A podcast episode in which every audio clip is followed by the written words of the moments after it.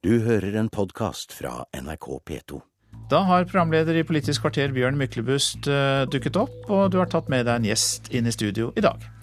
Hun blir ikke lenger invitert til statsministerdueller, og hun som blir invitert, tør hun slippe min gjest inn i Finansdepartementet. Likevel hører jeg kanskje et lettelsens sukk fra andre siden av bordet.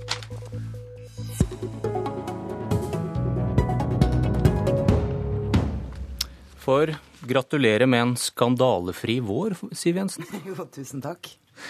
Det, det stemmer vel det? Det at Carl I. Hagen ikke kom på landsmøtet, det kvalifiserer vel ikke? Jeg syns det var synd at han ikke kom på landsmøtet. Eh, det at han valgte å ikke gjøre det, er eh, synd. Men det må vi bare ta til etterretning. Men om man får snakke om politikk eller en skandale da på en sommeroppsummering som du skal ha i dag, det, det er kanskje tilfeldighetene som rår, eller er det partilederhåndverk? Det er nok ikke partilederne som eh, har ansvar for at det av og til oppstår skandaler i politikken, men det er partilederne som må håndtere det. Og jeg tror mange partiledere av og til frykter det. Men man må håndtere det. Man må stå i det. Man må stå den av. Og det har Fremskrittspartiet gjort. Vi hadde et veldig krevende år i fjor. Men så langt så har vi jo hatt et fantastisk år i år. Vi er i ferd med å bygge oss opp igjen. Velgerne kommer i hvert fall i stadig større grad tilbake, og det setter jeg veldig stor pris på. Og så er det over et år igjen til neste valg, og det betyr at vi har fortsatt litt tid å gjøre det på. Men husker du august 2008? Yeah. Det, var, det, var, en lykkelig tid, skjønner du. Ja, Tenker du da på at vi, vi svevde høyt på meningsmålinger og sånn? Da hadde Frp 30,9% i snitt på målingene. Mm. Høyre hadde 16,2. Nå har dere 16,1. Høyre 32,1. Mm. Hva skjedde? Men Det det i hvert fall forteller, er at meningsmålinger ikke er valg. Og man skal ikke belage seg på at på meningsmålinger, enten de er skyhøye eller lave, fordi det er valgresultatet den dagen det er valg, som avgjør. Men denne trenden den er vel ikke mulig å snakke seg forbi med de vanlige nei, jeg, frasene der? Nei, jeg snakker meg ikke forbi det. Jeg bare vet at selv om Fremskrittspartiet har hatt 30% på meningsmålingene, så har vi ikke fått det i valg. Men husk på at selv om vi hadde det du, altså 30% i august 2008, så ble valgresultatet vårt i 2009 22% Det er det beste i Fremskrittspartiets historie, men lavere enn de skyhøye målingene ga oss. Og nå er det 16? Så, ja, og jeg, nå virker vi også mye mer stabile. Og jeg syns det er mye viktigere at Fremskrittspartiet vokser jevnt og trutt og stabilt, enn at vi har store, store utslag på meningsmålingene som kanskje ikke er reelle. Men kanskje det som har skjedd, ikke har noe med ditt håndverk å gjøre? Kanskje Eller hva har finanskrisen hatt å si for FrPs oppslutning?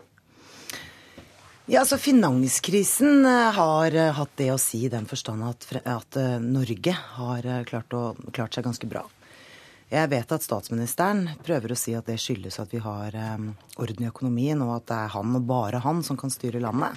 Det er jo ikke helt sant. Det skyldes at vi har vært heldige, at vi har hatt ekstra penger å rutte med. Uh, det er veldig bra for Norge, men det er også en utfordring. fordi i en tid hvor alle land rundt oss nå gjennomgår en ganske dramatisk slankekur, Eh, og det vil bety at deres konkurranseevne vil styrkes over tid. Så slanker ikke Norge sin økonomi. Her eh, har vi kraftig vekst i offentlig sektor. Vi er ikke spesielt effektive. Det kommer til å by på utfordringer for oss i årene som kommer, og det mener jeg det er all mulig grunn til å være bekymret for. Men vi har penger, og det var det som hjalp oss gjennom krisen, mener du. Eh, men hvorfor mistet da velgerne troen på Frp i denne perioden? Ja, nå er jeg ikke sikker på om det var det som skjedde. Eh, det kan ha vært et sett av eh, tilfeldigheter som falt sammen. Men samtidig så tror jeg stadig flere ser at når Fremskrittspartiet har vært eh, motstander av handlingsregelen, så har vi jo fått støtte fra stadig flere. Nå slår den idyllen sprekker også i de rød-grønne. Nå har Senterpartiet sagt at de ikke freder handlingsregelen.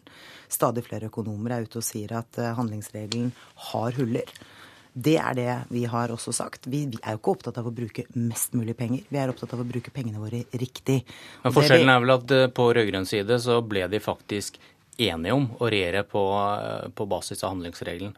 Noe dere på borgerlig side ikke har klart. Vel, jeg tror vi lett klarer å bli enige om at vi må ha et ankerfeste i den økonomiske politikken. Altså at det må være en sammenheng mellom det landet tjener over tid, og det landet bruker over tid. Men så er det jo underlig da at vi kan bruke disse såkalte oljepengene på store eh, vindmølleinvesteringer, på oljeinvesteringer og ja, på en rekke andre ting. Vi tilfører jo mange av selskapene våre egenkapital. Eh, men vi kan ikke av en eller annen grunn bruke det på å bygge infrastruktur, for da blir det inflasjon, ifølge Stoltenberg. Dette er jo tull. Det tror jeg de fleste skjønner. Så det handler altså ikke om å få brukt pengene fortest mulig. Det handler om å investere de på en sånn måte at vi øker vår egen konkurransekraft. Og får bygget landet der hvor det nå forfaller. Og jeg tror veldig mange syns det er rart. Norge er et veldig rikt land. Men vi ser forfallet rundt oss hver eneste dag. Nå er det jo NSB som er i trøbbel igjen, fordi man altså ikke har klart å bygge og kjøpe riktige sviller til å oppgradere jernbanenettet. Jeg tror jernbanepassasjerene begynner å bli svært utålmodige med dette. Dette er det Frp mener, men handlingsregelen er vel likevel Høyres eneste ultimatum?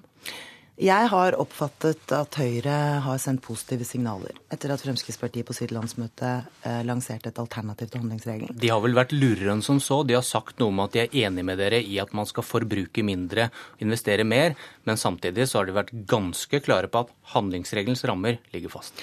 Jeg har hørt Høyre si at de er enig med Fremskrittspartiet at det går an å tenke alternativt. Vi har lansert et alternativ. Det ble møtt med positive toner fra Høyre. Jeg velger å høre det. Fordi handlingsregelen som sådan står i veien for sunn fornuft. Men den, det vi skal bli enige om, og det er helt selvsagt, det er at vi må ha et solid ankerfeste i den økonomiske politikken. Alle partiene er opptatt av en ansvarlig økonomisk politikk. Det vil også bli ført med Fremskrittspartiet i regjering. Det betyr ikke at vi må opprettholde handlingsregelen. Den at, er. Men du vet at hvis vi ringer Jan Tore Sanner eller Erna Solberg etter sendinga nå, så kommer de til å si at jo, handlingsregelen ligger fast med Høyre i regjering. Det skal ingen tviler på. Og det er noe annet enn det du sitter og sier nå. Vel, jeg hørte Høyre si etter Fremskrittspartiets landsmøte at de ønsket velkommen de tankene vi lanserte i forhold til å finne en større og riktigere sammenheng mellom forbruk og investeringer. Men da var det den lille nyansen, da. Men at rammen, at 4% den ligger fast. Nå høres du ut som rød-grønn politiker og ikke som programleder i NRK. Det må jeg si. Eh, jeg er litt overrasket over den motstanden Jens Stoltenberg og Arbeiderpartiet har til å tenke alternativt til handlingsregelen. Jeg ser at stadig flere er positive til å eh, revurdere dette. Det betyr jo ikke at vi skal brenne av vår felles formue i en vill fart. Det handler rett og slett om å investere den på en sånn måte at vi får mer igjen for det både nå og i fremtiden. Og det vil også komme kommende generasjoner til gode. Du avviser å avklare vanskelige politiske spørsmål, som handlingsregelen da, før valget, fordi det er partienes styrke etter valget som skal bestemme den dragkampen der. Hvorfor gjelder ikke den samme logikken for hvilke partier som skal sitte i en borgerlig regjering? Altså Fremskrittspartiet var det første partiet som avklarte eh, hvem vi kunne tenke oss å samarbeide med på borgerlig side. Og vi har hele tiden sagt at vi mer enn gjerne setter oss ned med både Høyre, Kristelig Folkeparti og Venstre. Vi finner det helt naturlig at eh, det vil være et skjæringspunkt mellom de fire partiene som vi kan regjere sammen på. Ja, det er uenigheter mellom de fire partiene. Ja, eh, det vil være noen vanskelige ting å forhandle om. Men det er fullt mulig etter min oppfatning i hvert fall å sette seg ned. Så nei. nei. her skal ikke valget ha noe å si for hva slags regjering man skal få på borgerlig side, fordi dere skal med Nei, uansett. Det er jo, velgerne avgjør jo dette gjennom hvilken oppslutning de gir partiene ved valg. Det er jo helt Ok, Så du, du, åpner for at hvis sentrum f.eks. samlet blir større enn Frp, så er det naturlig at kanskje dere må vike plassen? Nei, det er jo ikke det jeg sier. Men det har jo, altså, vi har en sperregrense. For som forteller hvilke partier som skal inn på Stortinget, og hvilke som ikke skal inn på Stortinget. Men nå syns jeg du reiser en helt hypotetisk problemstilling. Det er altså sånn at Fremskrittspartiet er landets tredje største parti. Vi, vi, samler en anselig mengde av landets velgere. Og man må ikke først innka, inn, innkassere en borgerlig seier med Fremskrittspartiets eh, velgere. For deretter å holde oss på utsiden. Det er ikke sånn dette fungerer. Nå er det mulig jeg, er det mulig jeg høres ut som en rød-grønn politiker i dine ører igjen, men konklusjonen vil da kanskje noen si er at eh, med dette ultimatumet så blir ikke Frp en garantist for en borgerlig regjering. Fordi alle, dere skal med. Nei, alle de fire borgerlige partiene har eh, gitt uttrykk for at de ønsker en regjeringsskifte. Men så tror jeg den debatten er over nå. Eh, den ideen om at man skal først regne Fremskrittspartiet og Fremskrittspartiets velgere som en del av et eh, borgerlig flertall, for deretter å holde oss på utsiden, den debatten er over. Og jeg har heller lyst til å fokusere på hvorfor det er viktig for Fremskrittspartiet å komme i regjering. For mange velgere husker jo den forrige borgerlige regjeringen, sentrum Høyre, som unnlot å gjøre en del ting som man kunne gjort, selv om man hadde flertall i Stortinget sammen med Fremskrittspartiet. Det var altså ikke noe fart i politisatsingen når eh, Fremskrittspartiet ble holdt utenfor budsjettforhandlingene, det vi også bidro til, var å eh, øke behandlingstakten i helsevesenet, slik at helsekøene gikk ned for første gang fordi vi klarte å få opp den innsatsstyrte finansieringen. Det er jo disse tingene som er viktige. Og det er altså sånn at tempo på veibyggingen i Norge kommer til å være helt avhengig av om Fremskrittspartiet sitter i regjering eller er på utsiden av regjering. Og det tror jeg veldig mange velgere er klar over. Og derfor så er det jo også veldig mange velgere som sier når de blir spurt, at de foretrekker at Fremskrittspartiet er med i en ny borgerlig regjering. Jeg tror ikke debatten er over, sånn som du sier, men den er over her i studio nå. For nå skal jeg spørre deg, når brukte du snikislamisering i en tale sist? Ja, Nå er det vel en liten stund siden sist. Men jeg har vært veldig opptatt av å, å holde fast i det budskapet. Nemlig at uh, når man bor i Norge, så skal man respektere norske lover, norske skikker. Og man skal integrere seg og innordne seg i det norske samfunnet på en god måte. Det tror jeg de aller fleste av oss er opptatt av og enig i. Men har, har, har 22.07 påvirket hvilke ord og uttrykk som er spiselige? Nei, Det påvirket nok debatten en eh, Men er det derfor du ikke bruker dette begrepet lenger? I landsmøtetalen din i vår så hørte jeg det ikke en eneste gang, f.eks. Det, det påvirket debatten en stund, men samtidig er det sånn at uh, norsk innvandrings- og integreringsdebatt den lever videre. Og den lever videre fordi vi har store utfordringer. Det er altså fortsatt mange mennesker bosatt i Norge som ikke snakker norsk.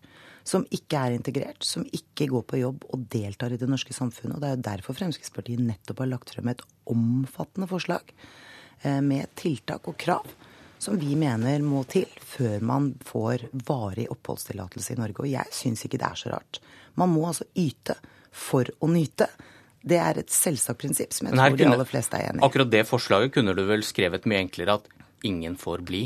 Hvilke arbeidsgiver er det som ansetter en asylsøker på midlertidig opphold i en fast jobb? Ja, Men nå blander du kortene. Eh, Fremskrittspartiet har aldri sagt at ingen får bli. Fremskrittspartiet er opptatt av at de som har rett til å få av det forslaget? La meg få fullføre.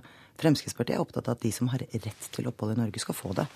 Men det å stille krav eh, er en vesentlig del av integrering og innvandringspolitikk. Det gjør alle land rundt oss, og det bør selvsagt også vi gjøre. Så er det sånn at som asylsøker i Norge så har du per definisjon ikke de samme rettighetene som når du har fått opphold. Det å ikke ha en avklart situasjon på i forhold til om du får lov å bli eller ikke, gir deg da vel ikke en kvalifisert rett til å kunne gå ut i arbeidslivet. Jeg syns det er helt åpenbart at først så må du få avklart hvorvidt du får opphold i Norge eller ikke. Sånn at du har, ikke, du har jo ikke rett til å få lov til å arbeide så lenge du ikke har avklart din status. Snikislamisering det ble lansert som et ganske sentralt begrep i flere store taler du holdt. og Kommer du til å ta opp igjen det begrepet? Jeg kommer til å ta opp igjen alle de problemstillingene som Men begrepet er borte, eller? Nei, begrepet lever videre. Fordi ja. det handler jo om eh, Et eksempel er jo i forhold til kvinneundertrykkende klesplagg. Det er en vesentlig del av å holde fast på en ukultur som ikke hører hjemme i vår del av verden. I Norge er kvinner og menn likestilte. I Norge er det sånn at kvinner kan eh, kle seg som de vil. Men de skal ikke påtvinges eh, å bære plagg hvor man ikke kan se deres identitet. Det er noe av det mest undertrykkende og kvinnefiendtlige man kan gjøre. Derfor sier også Fremskrittspartiet nei til den type klesplagg, og vi mener det ikke hører hjemme i vår del av verden. Du, Frykter du at 22.07 vil bli forsøkt brukt mot Fremskrittspartiet i valgkampen for å da legge lokk på en innvandringskritikk som dere ønsker å komme med? Det håper jeg ikke. Eh, for jeg tror det vil eh, ha en eh, kontraeffekt og vil skitne til en valgkamp. 22.07 samlet det norske folk, og det samlet også politikken. Vi sto sammen i sorg. Vi sto sammen om noen felles verdier. Og vi sto sammen om å mene at vi skulle ha mer ytringsfrihet etter et sånt terrorangrep. Det var en avskyelig handling fra en avskyelig person. Men det skal jo ikke endre på norsk debatt. Og jeg tror de aller, aller fleste vet at det en enkeltpersons handlinger har påført det norske samfunnet, det endrer ikke på et syn på om man vil ha mer sosialisme eller mer liberalisme. Sola skinner, Siv Jensen, men ikke på Frp. For dere skal oppsummere inne i dag. Det er vel en tabbe?